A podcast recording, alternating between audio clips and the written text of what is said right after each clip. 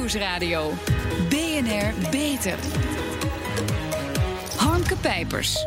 Slapeloosheid, paniekaanvallen en vermijdingsgedrag. Veel mensen lijden aan een angststoornis. Dat kan het dagelijks functioneren behoorlijk belemmeren. Te meer daar mensen die zo'n psychische stoornis hebben... dat vaak heel lang verborgen weten te houden. Welkom bij BNR Beter, het programma voor mensen die werken aan gezondheid. Mijn gasten Tom van Balkom, psychiater en hoogleraar psychiatrie... Neeltje Batelaan, psychiater en senior-onderzoeker. Beiden zijn verbonden aan de academische werkplaats Angst en Dwang...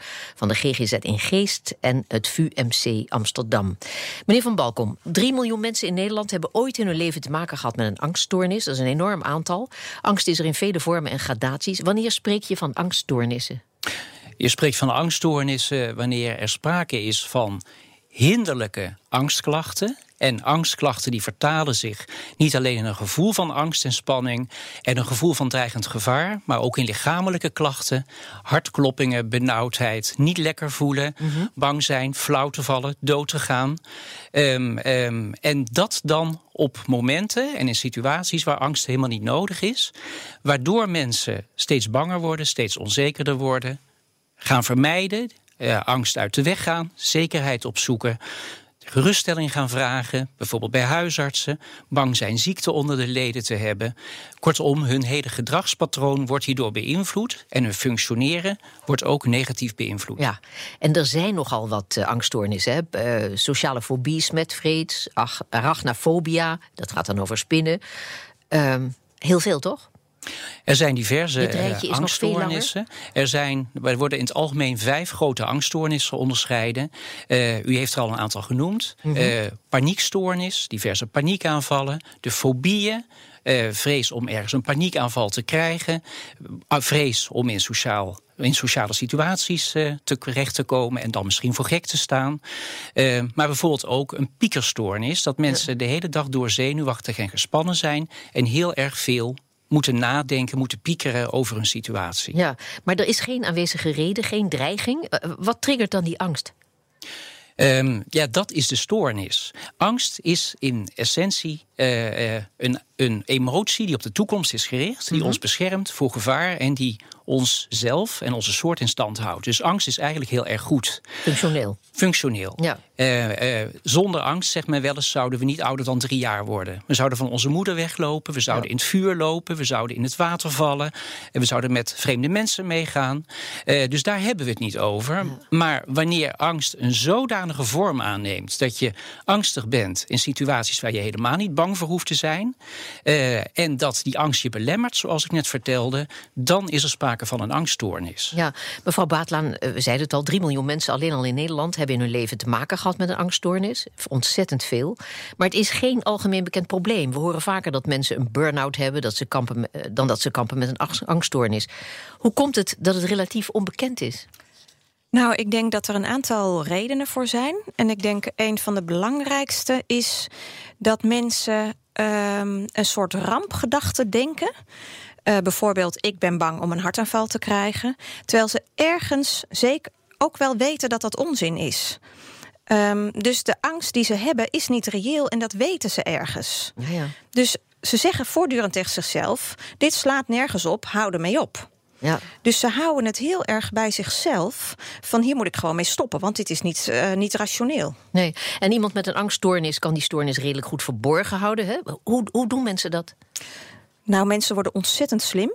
Ja. Um, als je het eng vindt om op spitsuur in de supermarkt je boodschappen te gaan doen, omdat je bang bent dat je daar een paniekaanval krijgt, terwijl je in de kassa nog vijf karretjes voor je hebt, ja, dan ga je boodschappen doen als het uh, heel rustig is, ja. als er niemand op je zit te wachten. Maar goed, toch een keer hou je dat, dan toch een keer barst de bom, denk ik. Ja. Want als het, dat kost ook heel veel energie om je staande te houden. Ja, en je ziet dat bij in de loop van een angststoornis het leven van mensen eigenlijk steeds kleiner wordt en dat ze steeds slimmer moeten worden om met die angst uh, te kunnen leven. Ja. En dat het op een gegeven moment niet meer lukt. En soms is dat op het gebied van werk. Dat je ziet dat mensen niet meer naar hun werk kunnen gaan. Of dat hun werkgever heeft geklaagd. Bijvoorbeeld omdat ze steeds te laat komen. Ja. Um, omdat ze bijvoorbeeld een tram voorbij laten gaan als die te druk is en ze er niet in durven. Ja, als je tien trams voorbij laat gaan en je bent op, elke dag een half uur te laat. En je zegt niet waarom. Dan zegt een werkgever op een gegeven moment: Moet je luisteren, ik betaal jou om negen uur aanwezig te zijn. Waarom ben je steeds te laat? Nou, dat is is vaak het moment waarop mensen uh, hulp gaan zoeken. Als ze Ja. dreigend uitvallen van werk.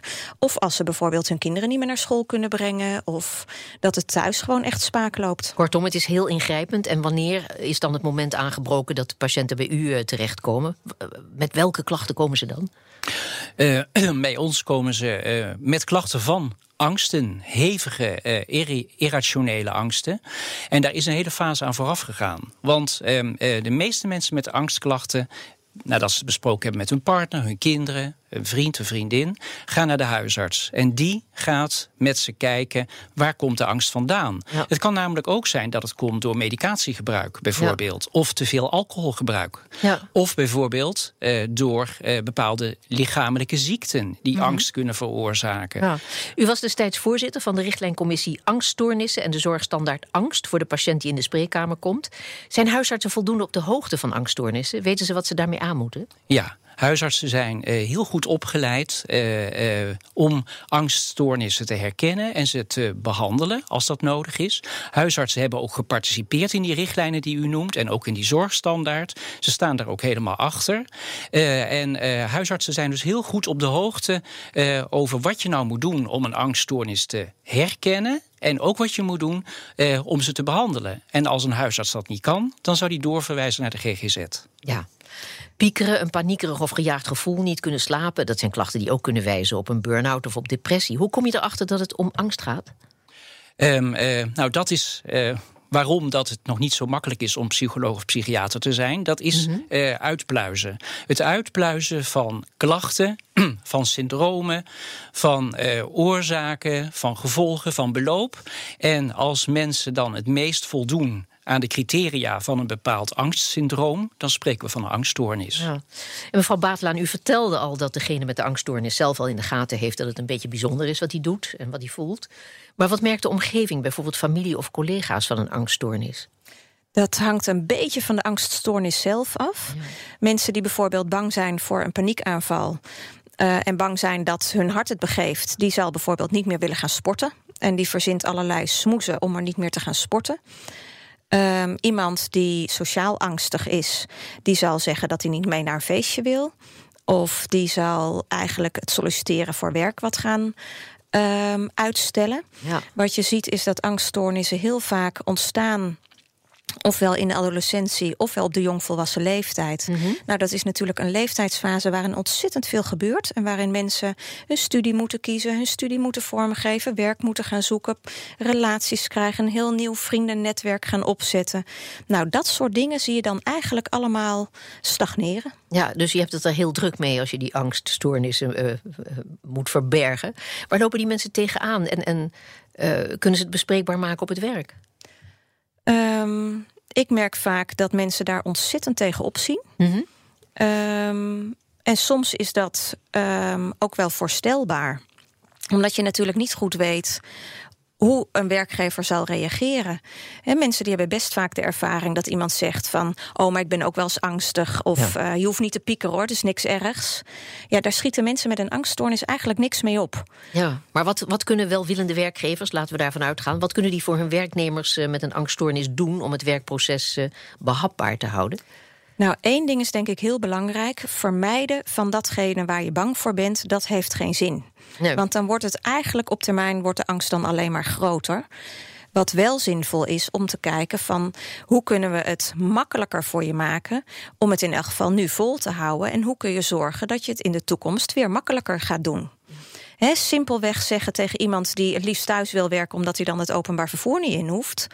Ehm, ja, daar help je iemand op de lange termijn niet mee. Je houdt iemand misschien wel wat langer aan het werk, maar je kunt misschien beter kijken van hoe zorg je nu met of zonder behandelaar of met of zonder de bedrijfsarts dat je weer eh, op tijd naar je werk kunt. Ja, dat is heel belangrijk. Hè? Dat als iemand een angststoornis heeft, de partner, de werkgever of eh, het netwerk, eh, die, die moeten dat allemaal niet overnemen.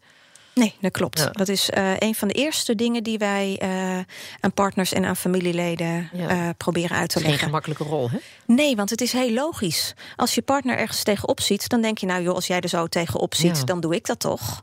Als jij het vervelend vindt om die formulieren in te vullen omdat je bang bent om fouten te maken, dan doe ik dat toch. Als jij bang bent om ehm, de kinderen naar school te brengen, joh, dan doe ik dat. No big deal. Ja. Maar je helpt ze er niet mee. Je moet het zelf leren, zelf overwinnen. Een angststoornis overwinnen. Kan dat en hoe dan? Kom je er ooit helemaal vanaf of blijf je er altijd gevoelig voor? Zo dadelijk meer hierover.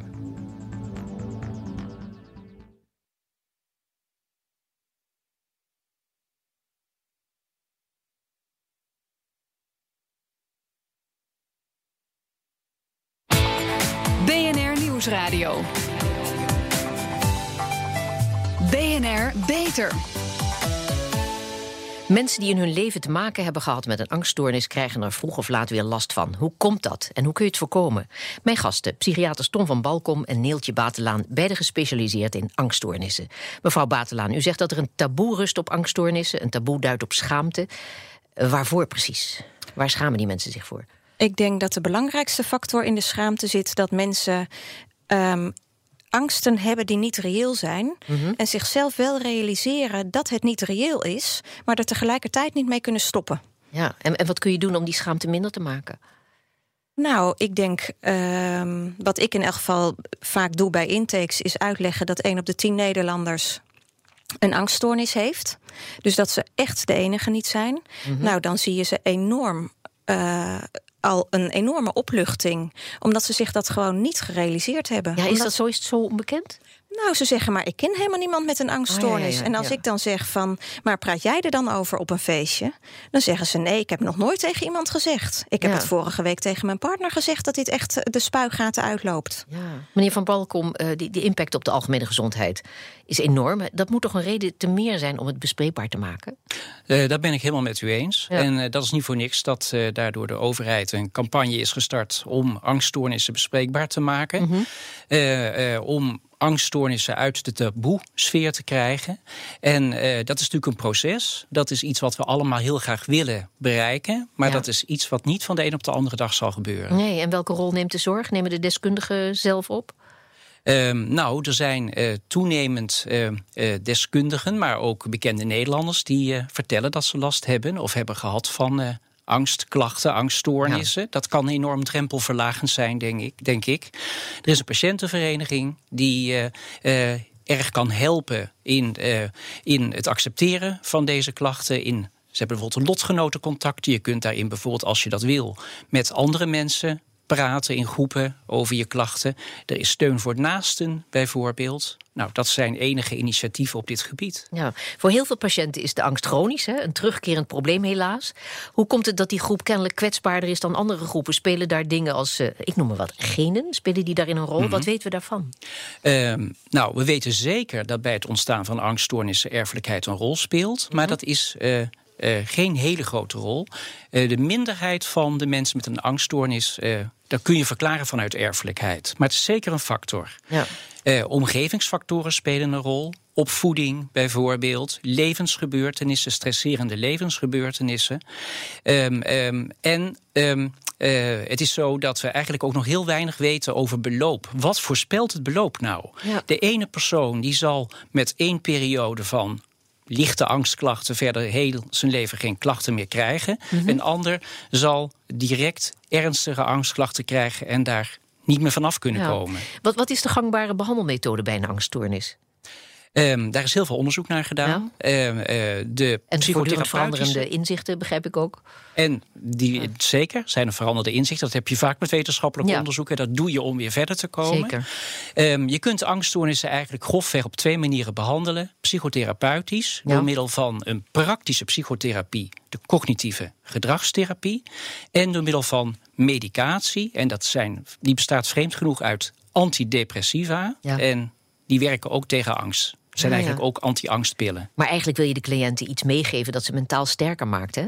Hebben we al zoiets? Zijn we daar nou op zoek? Ongetwijfeld. Maar Ja, nou, ehm, eh, dat wil je zeker. Want er zijn aanwijzingen dat die kwetsbaarheid die bepaalde mensen hebben, die onderliggende kwetsbaarheid, die, waar je misschien ook wel mee geboren bent, dat die eh, mogelijk veroorzaakt dat mensen terugvallen. Dat ze wel in eerste instantie goed behandelbaar zijn, Ja. maar later terugvallen en chronische klachten krijgen. Ja. En je zou dus eigenlijk willen dat je iets aan die kwetsbaarheid zou kunnen doen. En daar, zijn wel, daar wordt wel onderzoek naar gedaan, maar daar zijn we nog niet zover dat dat echt heel erg veel handen en voeten eh, nu al gegeven kan, daaraan gegeven kan worden. ja. mevrouw Baatlaan, iemand die zich uh, daadwerkelijk laat behandelen voor een angststoornis, dat, dat duurt dan even voordat hij die stap maakt. Uh, wat betekent dat uiteindelijk voor de, de meeste patiënten? Ja, genezing mogen we hopen, maar vertel. Nou, ik denk dat uh, verreweg de meeste patiënten enorm opknappen. Ja. Dat je ziet dat ze al vrij snel weer meer durven en weer meer grip krijgen op hun leven, op wat zij belangrijk vinden uh, in het leven. Dus ik denk dat wij voor een heel groot, uh, zeker twee derde van de mensen, enorme klachtenvermindering krijgen. En dat er daarnaast een kleinere groep is in de specialistische GGZ die moeilijker behandelbaar blijkt te zijn. Ja. En daar is het vaak heel erg puzzelen um, wat dan precies uh, de behandeling is die het meeste effect sorteert. En aan de andere kant ook de minste bijwerkingen bijvoorbeeld ja. geeft. En is ons hele zorgstelsel voldoende op behandeling van deze mensen uh, ingericht?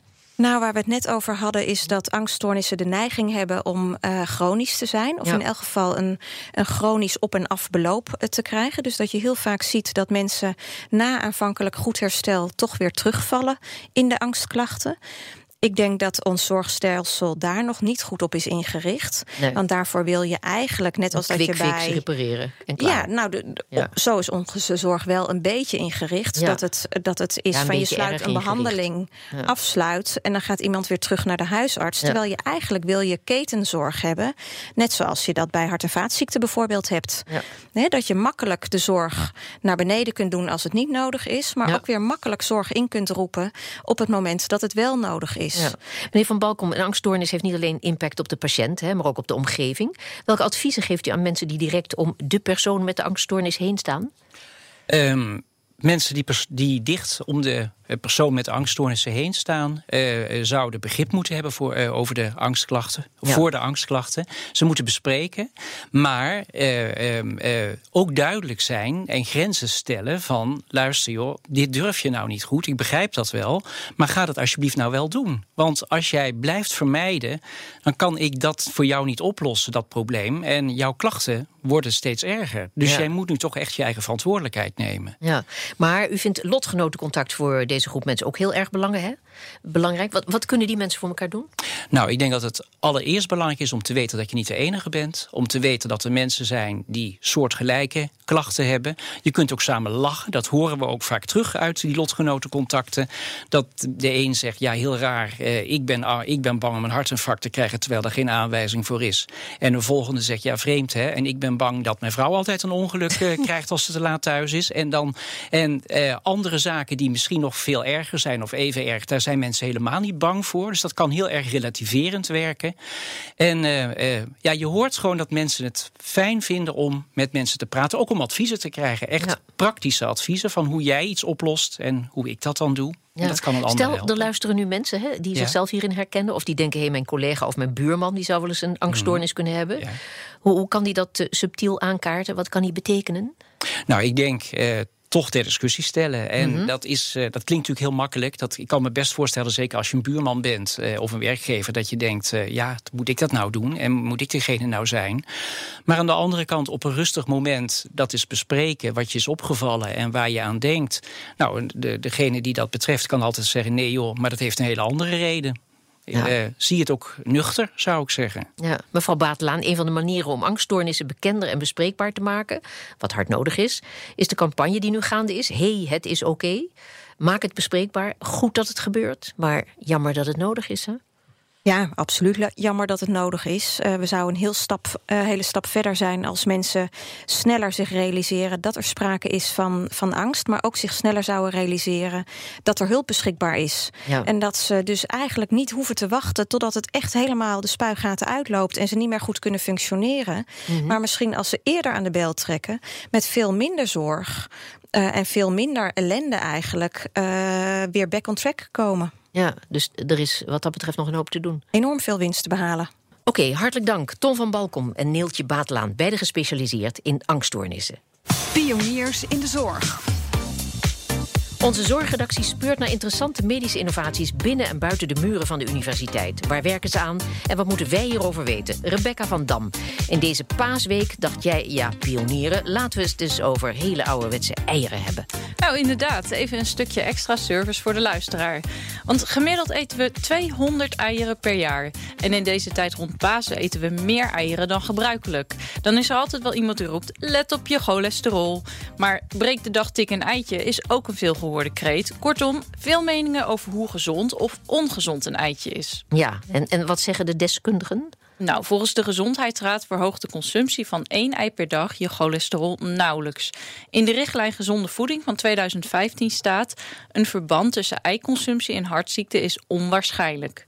Dat geldt trouwens ook bij beroerte en borstkanker. Wel zijn er aanwijzingen dat mensen die elke dag een ei eten meer kans lopen om diabetes 2 te ontwikkelen. Dan het voedingscentrum. Dat vertelt, het ei is een bron van eiwit en onverzadigd vet. Bovendien zijn de eieren rijk aan, let op, de vitamine B12, D, A en B2, foliumzuur en mineralen zoals fosfor, seleen, ijzer en zink. En dat is ook goed voor de vegetariërs die die voedingsstoffen niet uit vlees halen. Ja, en dan nog een prangende vraag. Wat is er beter, een hard of een zacht gekookt ei? Nou, volgens sommige gezondheidssites zit er in een zacht eitje meer lecithine, een stof die de vetverbranding stimuleert. Als je je ei te lang kookt, dan verdwijnt die stof, zeggen die sites. Ik heb het gecheckt bij het voedingscentrum en dat zegt... er is geen significant verschil tussen een hard of een zacht gekookt ei. Het enige grote verschil is dat je bij een zacht gekookt ei... meer risico loopt op een salmonella-besmetting. Voor ouderen, jongere kinderen en zwangere mensen is even doorkoken dus toch beter. Ja, en maakt het nog verschil wat voor ei we eten? Nee, of het een scharrelei, legbatterij of biologisch ei is, maakt voor de voedingswaarde geen verschil. Voor de kip natuurlijk wel. Dus persoonlijk denk ik, als de kip kan genieten van zijn scharrelende bestaan, geniet ik meer van mijn eitje. Wat jij? Oké, Rebecca. Dank je wel, Rebecca van Dam. En tot zover deze uitzending van BNR Beter. Op bnr.nl slash beter is deze uitzending terug te luisteren... of on demand via de BNR-app, Spotify of iTunes. En we zijn ook op Twitter te vinden onder BNR Beter. Dus heeft u tips voor ons, laat het ons weten. Ik ben Harmke Pijpers. Graag tot een volgend spreekuur.